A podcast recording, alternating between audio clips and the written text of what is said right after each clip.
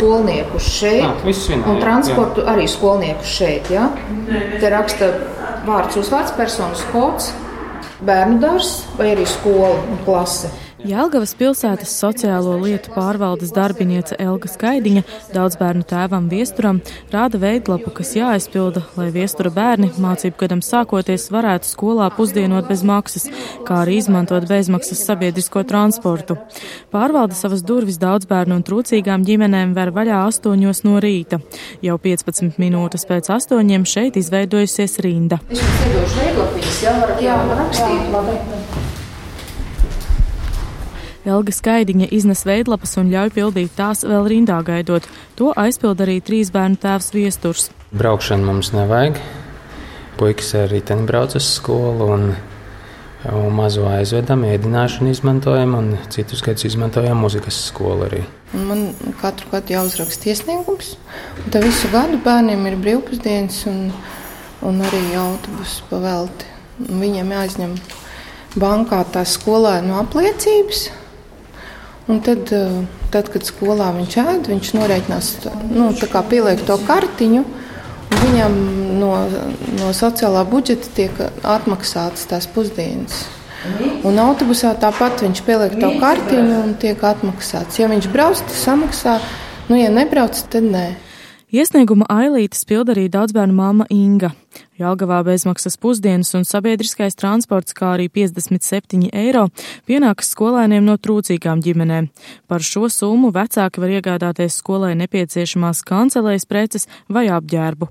Pēc naudas ieradusies arī vecmāmiņa Jelizaveta. А, ну что, мне помогли с деньгами. Man palīdzēja ar naudu, arī bezmaksas ēdināšanu un autobusu. Par iedoto naudu es viņai nopērku visu skolai vajadzīgo - rūtiņu burtnīcas, pildspalvas. Tagad viņa mācīsies astotajā klasē un ļoti daudz kas jāiegādājas. Apģērbam gan ar šo summu nepietiek, to jāpērk par savu naudu. Bet ko padarīsi? Paldies, jāsaka par to pašu.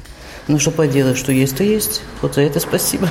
Jelgavas sociālo lietu pārvaldes sociālās palīdzības administrēšanas nodaļas sociālā darbiniece Edīte Zvilna stāsta, ka brīvpusdienas skolā un bezmaksas braucieni sabiedriskajā transportā pienākas bērniem no trūcīgām ģimenēm, kurās ienākumi uz vienu ģimenes locekli mēnesī nepārsniec 128 eiro un 6 centus. Neatkarīgi no ģimenes ienākumiem, tādus pašus pabalstus vecākiem aizpildot anketu var saņemt arī skolēni no daudzbērnu ģimenēm. Apmēram tādā pašā līmenī turās. Nu, teiksim, uz šo brīdi pabalsts ēdināšanai daudz bērnu ģimenēm ir piešķirts 211 skolēniem, bet trūcīgām ģimenēm 310 skolēniem. Tas nozīmē, ka trūcīgas ir vairāk ģimenes. Stāsta Edīte Zvilna. Vienlaikus viņa atzīst, ka arī daudz bērnu ģimenes labprāt izmanto pašvaldības atbalstu, un vecāki daudz aktīvāk piesakās augusta pēdējā vai septembra pirmajā nedēļā. Pagājušajā gadā pat bija tā, ka pilnīgi atnesa veselu kaudzītu no visas klases bija iesniegumi atnesti.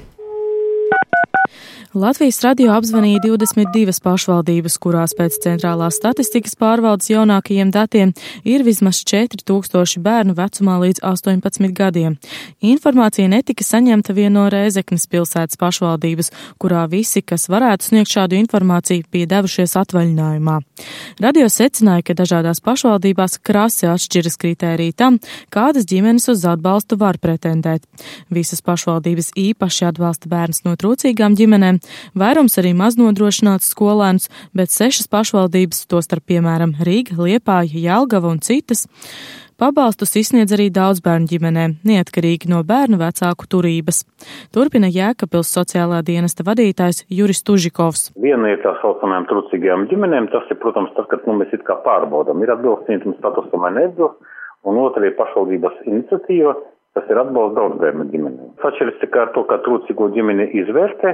Ja tā ir daudz bērnu ģimene, tad vienkārši pietiek ar to, ka viņi ir daudz bērnu ģimene, mēs jau redzam datu bāzē. Gandrīz visas pašvaldības, izņemot Rēzeknes novadu, trūcīgiem, atsevišķas arī maznodrošinātiem bērniem, izsniedz materiālu pabalstu individuālo mācību līdzekļu vai skolas apģērbu iegādai. Summas varijē no 20 eiro Liepājā līdz pat 72 eiro Jūrmalā un Salaspilī. Salīdzinoši lielākas summas arī Madonas novadā. Tur trūcīgie saņem 71 eiro, bet 60 eiro Saldus novadā. Pašvaldība darbinieki stāsta, ka pabalstus ik gadu saņem vienas un tās pašas ģimenes. Daļa no tām ir tā saucamās sociālā riska ģimenes. Lai pārliecinātos, ka nauda tiešām iztērēta skolēna vajadzībām, atsevišķas pašvaldības izveidojušas veselu atskaites sistēmu vai citus mehānismus. Tikmēr citur, tajā skaitā Jelgavā, paļaujas uz vecāka goda vārdu, atzīst Jelgavas sociālā darbiniece Edīte Zvilna. Nu, ja tās ir riska ģimenes, tad jā, teiksim, nu, tur tiek noslēgta vienošanās, un tad arī izvērtē, vai tiešām ir paredzētam mērķim izlietot līdzekļi. Nu, laikam čekus neuzrāda. Līgums uz goda vārdu. jā, laikam droši vien. Stingrāki nosacījumi ir citās pašvaldībās, piemēram, Jēkabpilī vecākiem izsniedz speciālus talonus, kas ir 36 eiro vērtībā, un par tiem var iegādāties vien kancelējas preces. Šogad pirmo reizi šāda praksa arī Ventspilī, stāsta sociālā dienesta vadītāja vietniece Dace Roģe. Pirmo reizi bērni no trūcīgām un maznodrošinātām ģimenēm pabalstus saņems iepirkumu kartes veidā. Un šī jaunā prakse izsniegt pabalstu iepirkumu kārtas veidā ir ieviesta tādēļ, lai mēs, sociālais dienests, gūtu pārliecību, ka pašvaldības sniegtā palīdzība patiešām aiziet paredzētajam mērķim, jo, diemžēl, sociālam dienestam nereiz vien iepriekš ir nācies saskarties ar gadījumiem, kad ģimene pabalstu saņem, bet mācību līdzekļi netiek iegādāti. Valsts no šī gada brīvpusdienas apmaksās pilnīgi visiem 1 līdz 4 klašu skolēniem. Ir pašvaldības, kas ēdināšanu sadz visiem līdz 9 un pat 12 klasē, bet daļa pusdienas pērk vien trūcīgajiem. Vēl īpaši novadu pašvaldībām raksturīgs, ka trūcīgu ģimeņu bērniem no attālākiem pagastiem apmaksā sabiedrisko transportu līdz skolai un arī uz interešu izglītības iestādēm.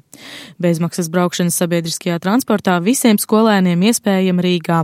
Savukārt atsevišķās pilsētās, piemēram, Valmierā, Ventspilī, Jēkabpilī un citur, pašvaldība izdevums par biļetes cenu skolēniem no trūcīgām ģimenēm sēdz vismaz daļēji. Ir arī pašvaldības, kur doma apmaksā arī maksas interešu izglītības nodarbības, mācību ekskursijas un pat nometnes. Pieprasījums pēc pabalstiem gan atšķiras. Kamēr Jelgavā rindā cits aiz cita gaida vecāki, citos sociālajos dienestos teju vai tukšums. Pagaidām jau pamazām rosība ir sākusies, bet nu, no pieredzes varam teikt, ka lielākais iesnieguma daudzums tiks saņemts pēdējā augusta nedēļā un pat pirmajās septembra nedēļās. Stāsta Vēnspils sociālā dienesta vadītāja vietniece Dace Roģe. Vēnspilī pagaidām naudas izmaksas un ēdināšanas transporta pabalstam pieteikti daži desmiti skolēni no trūcīgām un maznodrošinātām ģimenēm. Neliela interese vērojama arī Pierīgas pašvaldībās un Talsu novadā, kur pagaidām pabalstiem pieteikuši pieteikušās vien septiņas ģimenes. Aktīvāki vecāki ir lielākajās pilsētās, kur arī vairāk skolēnu. Daugaupilī jau vairāk nekā 900 pieteikumu, Rīgā vairāk nekā 600, bet Jelgavā kopumā vairāk nekā 500.